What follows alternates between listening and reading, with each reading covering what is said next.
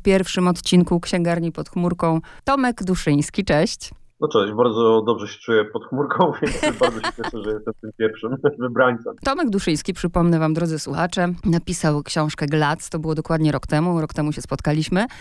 E, dla tych, którzy nie pamiętają, nie wiedzą, gdzieś przegapili, przespali, bardzo krótko przypomnij, e, o czym był Glac. Glac to oczywiście kryminał retro dziejący się w 1920 roku. W e, tytułowym Glac, to dawna nazwa Kłodzka, czyli obecny Dolny Śląsk tak naprawdę, kiedyś, kiedyś to Śląsk. No i oczywiście jak kryminał retro, to musiał pojawić się trup, albo przynajmniej kilka trupów, no i oczywiście kilku bohaterów, którzy, którzy no, mieli za zadanie odkryć zagadkę, kto za tym wszystkim stoi. No i teraz po roku mamy Glac, kraj Pana Boga, ale zanim jeszcze o tym, to no to składam Ci serdeczne gratulacje, bo sama byłam wśród głosujących za Złoty Pocisk. No to słuchaj, to tym bardziej bardzo Ci dziękuję. No, ale jestem w grupie też na Facebooku, jestem na grupie Kłodzko przed 1945 rokiem, więc daleko w to poszłam, bo już mamy ponad 3000 chyba nas tam jest. Tak, ale to, wiesz co, to bardzo fajnie, bo coraz więcej osób rzeczywiście i z książkami nawet e, podróżuje po Kłodzku.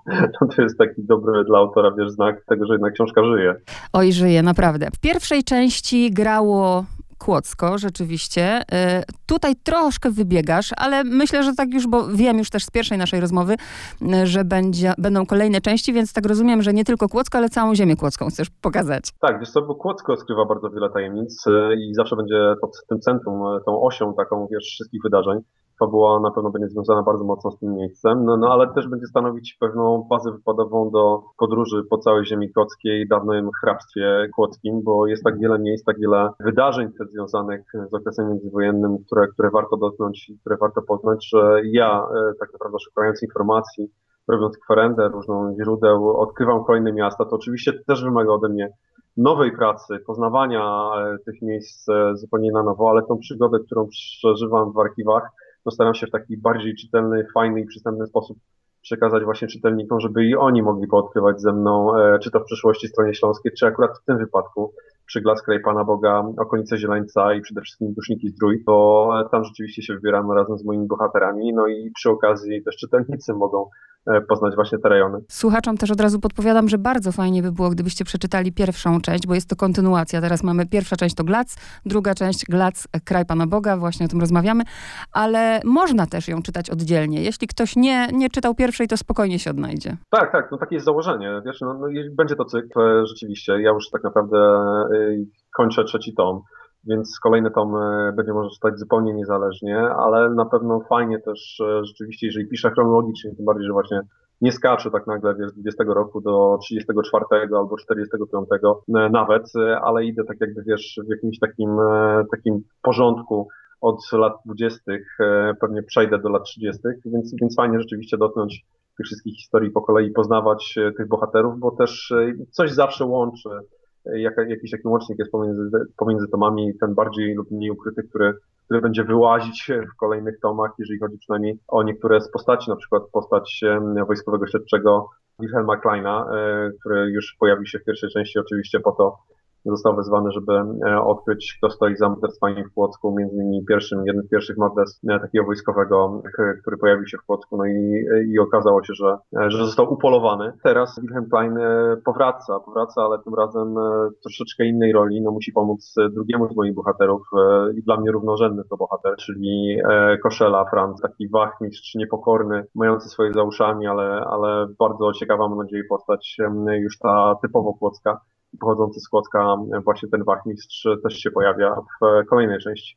Tak jak żeśmy ostatnio rozmawiali, że to też odróżnia twoją książkę od innych książek kryminalnych i tego jednego bohatera, że rzeczywiście oni są tu równorzędni, chociaż Franca Koszele, ulubieńca, y, awansowałeś. Awansowałem, tak? No wiesz co, to może nie zdradzajmy, ale rzeczywiście... Y, A tyle możemy, tyle możemy, to chyba nie jest... Y, bardzo bardzo go polubiłem, bardzo polubiłem Franca. Rzeczywiście od niego zaczyna się cała historia, a tak naprawdę też od kolejnych bohaterów takich drugoplanowych e, związanych z dusznikami i zdrojem. Tam e, oczywiście chodzi w tym wypadku, to może tak troszeczkę wprowadzę e, słuchaczy w, w klimat dla kraj Pana Boga. Zaczynamy od okolic Zieleńca i Dusznik Zdroju i od sprawy zaginięcia Sabine Hunfeld, takiej córki kłodzkiego importera cygar zaginęła w 1916 roku. Po pięciu latach okazuje się, że zostaje odnaleziona, no niestety odnaleziona martwa, no i rzeczywiście przez pięć lat ktoś okazuje się bardzo mocno zacierał ślady jej zaginięcia, zniknięcia. No i oczywiście na, w, w tej sprawie będzie musiał się wykazać miejscowy wachmistrz Koszela. Jednak okazuje się też przy okazji, że e, ta sprawa jest tak mocno zagmatwana i tak wiele osób e, w niej maczało palce, że Franz Koszela w pewnym momencie no, musi sobie poradzić e, niemalże sam z, z przytłaczającą ilością faktów, danych, E, i sytuacji, które, które okazuje się e, w pewnym momencie mogą go przerosnąć. E, no i wtedy też pojawia się Wilhelm Klein, czy jednak będzie przyjacielem w tym wypadku Koszeli i osobą pomocą, czy wręcz przeciwnie, staną się przeciwnikami, no to już, to już zostawiam czytelnikom, żeby się dowiedzieli. Jak najbardziej. Pamiętam też, jak rozmawialiśmy ostatnio, że czytając twoją książkę, wtedy non-stop przerywałam i sprawdzałam i tak samo mamy postacie historyczne. Burmistrz wraca, ale wraca zasygnalizowana w pierwszej części Gabriel e, von Magnis. Teraz chyba możemy trochę więcej powiedzieć o tej postaci historycznej. Tak, ja jestem zafascynowany tą postacią. E, Gabriel von Magnis rzeczywiście jest postać historyczna, związana z Boszkowem. E, piękny pałac, niszczący co prawda, no ale wspaniałe miejsce.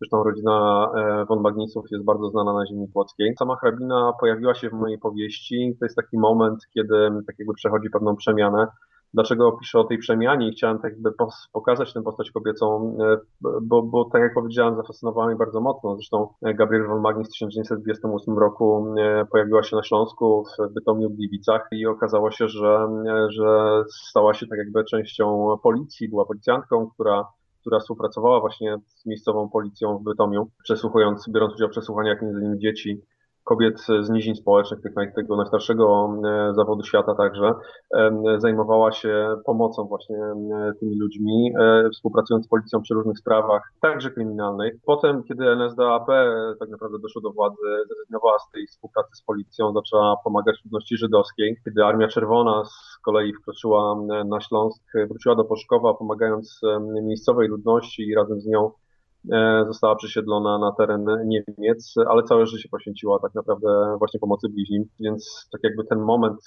jej przemiana też dla mnie jest fascynujący, jest trudno, jest mało udokumentowany w źródłach, natomiast ja pokusiłem się w pewien sposób o, o, o taką jej charakterystykę dosyć ciekawą, E, postaci i pewne, pewne elementy.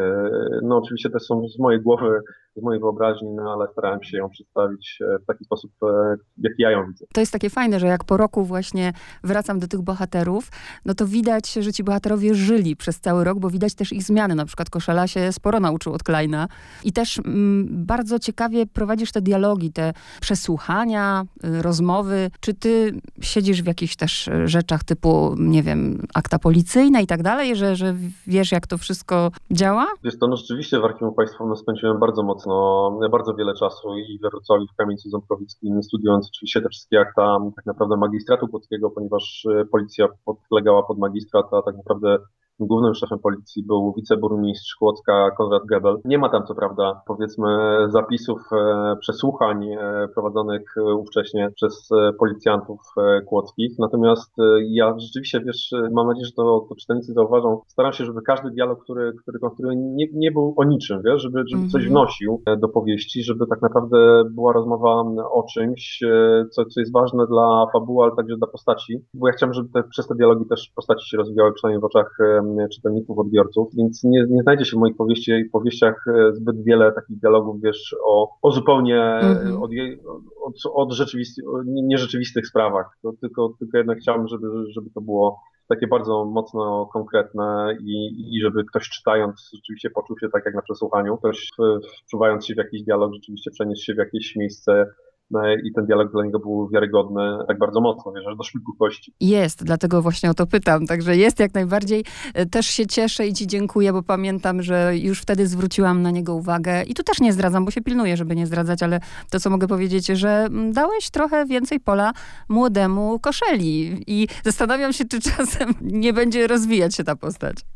E, wiesz co, no, no, no, masz wyczucie, masz wyczucie, rzeczywiście, już wtedy pamiętam tą rozmowę, rozmawialiśmy e, na temat też Opica, czyli, czyli Sena Koszeli e, i rzeczywiście zauważyłaś, że, że taki wykapany ojciec niemalże, coś w tym jest, ma swój własny charakter, który, który, który się kształtuje, Ja nie ukrywam, powiem Ci, że może to zdradzę, ale, ale mam, mam pomysły na kolejne, kolejne powieści. Opic w pewnym momencie dojdzie, dojdzie też do głosu w, w przyszłości. E, ale to, to odległa dosyć mm -hmm. przyszłość jest. Ale czyli tak dobrą powiem. intuicję mam. Masz bardzo dobrą intuicję, tak. Dużo książek czytasz, więc też e, wydaje mi się, że już potrafisz tak jakby wyciągnąć to, co autor autor ma na myśli i w którym kierunku zmierza. To bardzo fajnie. Ale Franz A Gabriel, jeszcze ci powiem no, no. jedną rzecz, przepraszam, bo Gabriel von Magnis tak mocno mnie zafascynował, że na pewno chciałbym, jeżeli mi się to uda, w przyszłości też do niej wrócić, ale oczywiście już w tych latach, końcówce lat 20. E, a, a Franz Koszela też mnie zaskoczył, powiem ci, bardzo mnie zaskoczył w momencie, mm, jak wychowawczo potrafi podejść do opica, wiesz? Tam ta jedna rozmowa, no szacun po prostu dla, dla Franca. A powiedz jeszcze o Agnes, e, która się pojawiła w pierwszej części, no i teraz ta Agnes, no krótko mówiąc, zniknęła. Nie ma jej, czy ona wróci? Dobra jesteś. Tak, wróci, wróci. Miałem tego nie mówić ale rzeczywiście wróci. I powiem Ci, że bardzo wiele osób, jak z nimi rozmawiam po pierwszej części GLAD, miało jakieś wyobrażenia dotyczące tego, jak będzie wyglądać e, część druga i tak naprawdę zawsze się uśmiechałem pod nosem, kiedy mówili, na pewno pojawi się Agnes, na pewno to będzie wyglądało tak, a nie inaczej. E, fabuła pewnie pójdzie w tym kierunku. Taki będzie Plain, taki będzie Koszela. Ja wiesz, ja lubię to wszystko wywrócić troszeczkę, mm -hmm. namieszać, pokazać z zupełnie innej strony. Chciałbym, chciałbym tak naprawdę zaskakiwać za każdym razem czytelników i nie chciałbym, żeby, żeby być przewidywalny, wiesz. E, natomiast tak, wróci Agnes. To jest taka kobieta, która bardzo wielu czytelnikom się spodobała, zwłaszcza tym, zwłaszcza, zwłaszcza tym, temu męskiemu gronu. Wiem, że niektórzy połają do niej bardzo mocnym, mocnym uczuciem. To mnie też e, fascynuje, wiesz, ten odbiór postaci e, przez, przez czytelników. To jest bardzo fajne, bardzo przyjemne. E, specjalnie, tak się fabuła też ułożyła, teraz, teraz, teraz się nie pojawia tak naprawdę jako postać w Blacklej Pana Boga, ale, ale ten niedosyt, mam nadzieję, przełoży się na podbiór kolejnej części. I oczywiście nie zdradzam e, też, czego dotyczyła pierwsza część, tak samo nie zdradzę, czego dotyczy druga. Zajmujesz się jakby zupełnie inną strefą, więc powiem tak enigmatycznie, nawiązując też, bo posługujesz się tym światem mm, powiązań, e, podziemia, tego, że macki sięgają bardzo daleko i posługujesz się tym e, metaforycznie i dosłownie. I ja chcę zapytać właśnie o te podziemia dosłowne. Takie są? Tak, oczywiście. Kłodzko jest fascynujące. Nie? Jeżeli jesteś jesteś turystą, odwiedzasz Kłodzko, oczywiście widzisz twierdzę, widzisz wspaniałe kamienice e, rynku, niektórych uliczek, e, część oczywiście też już e, zmszałych, zniszczonych, no bo nie, nie o wszystko jest w stanie też miasto zadbać, no, trzeba było na to naprawdę bardzo wiele pieniędzy, ale ja odkrywając Kłodzko wiedziałem o podziemiach Kłodzka, wiedziałem o tym, że przez wieki tak naprawdę mieszkańcy, właściciele kamienic drążyli tunele pod Kłodzkiem, poszerzając swoje własne piwnice, składy, tak naprawdę były to miejsca e, składowania wielu rzeczy, magazyny tak naprawdę bardzo wielkie, ogromne, które łączyły tunele wykute w skale. Tych tuneli jest naprawdę niesamowicie dużo, tak naprawdę mieszkańcy Kłodzka też bardzo mocno e, przez wiele, wiele lat chowali się w tych tunelach. Tak naprawdę po 1945 roku nowi mieszkańcy napływający do Kłodzka nie mieli zbyt wiele pojęcia o tym, co się dzieje pod, pod ulicami Kłodzka, pod samym rynkiem, pod centrum. Przez kolejne lata tak naprawdę odkrywali też Kłodzko zupełnie na nowo i ten obraz tego płockiego podziemia tak zwanego, czyli tych korytarzy, które nie są nie tylko i wyłącznie potwierdzą, ale pod samym miastem został odkryty e, i tak naprawdę w wielkim zdumieniu ludzie, ludzie to przyjmowali. I jeszcze jedna ciekawostka, bo e, jedna z pierzei e, w Kłodzkich, ta północna, ta bliższa twierdzy, tak naprawdę po okresie wojny, po 1945 roku zaczęła, zaczęła bardzo szybko niszczyć, zapadać się kamienicy zostały rozebrane, między innymi pod to, przez to właśnie, że woda, która spływała gdzieś z twierdzy, podmywała bardzo mocno e, fundamenty. No i w końcu, nie wiedząc nawet o tym, co się dzieje pod tymi, pod tymi e, kamienicami, e, te kamienice zostały po prostu niszczone i rozebrane. Szkoda, bo tam właśnie w tej kamienicy, jednej z tych rozebranych kamienic mieszkał Franz Koszela pod podcieniami. Były takie, takie niesamowite było miejsce, bardzo malownicze, fajnie wyglądające na zdjęciach tych przedwojennych kłockach i pozostało tylko i wyłącznie w pamięci właśnie tej powieści i, i, i na, oczywiście na tych starych widokówkach, z którymi ja się też posiłkuję, opisując Kłodzko. Ja właśnie byłam tylko w tych, w tych podziemiach twierdzy. Ale dostępne, dostępne są, część podziemi jest dostępna, jest trasa turystyczna otwarta już, e, prowadząca właśnie e, z jednym punkcie miasta sobie wchodzisz, wychodzisz zupełnie innym, przechodzisz sobie tunelami z ciekawostkami, kilka projektów multimedialnych jest tam bardzo fajnych, ciekawych, polecam bardzo serdecznie. Ty już jesteś, że tak powiem, jak to się mówi, honorowym obywatelem Kłodzka? Zawsze się czuję, każdy, każdy obywatel danego miasta powinien się tak czuć. Ja oczywiście jestem też związany ze Strzewinem, bo w Strzelinie się urodziłem, mieszkałem tyle lat w Kłodzku, wracam do niego bardzo często, zresztą moja rodzina w Kłodzku, w Kłodzku dalej mieszka, moja babcia i dziadek e, mieszkali w kamienicy, w której ja też mieszkałem przez 4 lata naprzeciwko poczty, naprzeciwko dawnego hotelu cesarskiego, więc te wszystkie no powiem ci, z że balkonu, z balkonów, słuchaj, widziałem twierdzę, wiesz, zawsze szczyt twierdzy i, i jedną z ulic i oczywiście te wszystkie budynki ze mną, ze mną zostało bardzo mocno. Bo myślę, że współczesny burmistrz to powinien po prostu być ci bardzo wdzięczny, bo robisz bardzo dobrą robotę dla promocji tego miasta, naprawdę. I myślę, że z kolei też e, mieszkańcy Kłodzka i burmistrz też e, bardzo mocno wspierają tę powieść, e, zdają sobie z tego sprawę, że, że fajnie odkrywać tak właśnie tą przeszłość Kłodzka. I co ciekawe, muszę ci powiedzieć, pochwalić się, że bardzo wielu turystów z Polski E, całej Polski przyjeżdża wiesz, z książką do, właśnie do Kłodzka, robić sobie zdjęcia, wysyłają potem mi te zdjęcia. Ja się bardzo cieszę, jak widzę właśnie, wiesz, dla czy dla Pana Boga, bo zmusiła ta powieść kogoś do przyjazdu po raz pierwszy do Kłodzka, pochodzenia śladami e, Koszeli czy, czy Kleina albo niektóre osoby przyjeżdżają po raz kolejny, ale już zupełnie inaczej patrząc na Kłodzko i odkrywając właśnie miejsca, o których zupełnie nie mieli e, pojęcia. No to popatrz, co ty robisz, jeśli ludzie chcą się tam przeprowadzać nawet. No słyszałem, tak?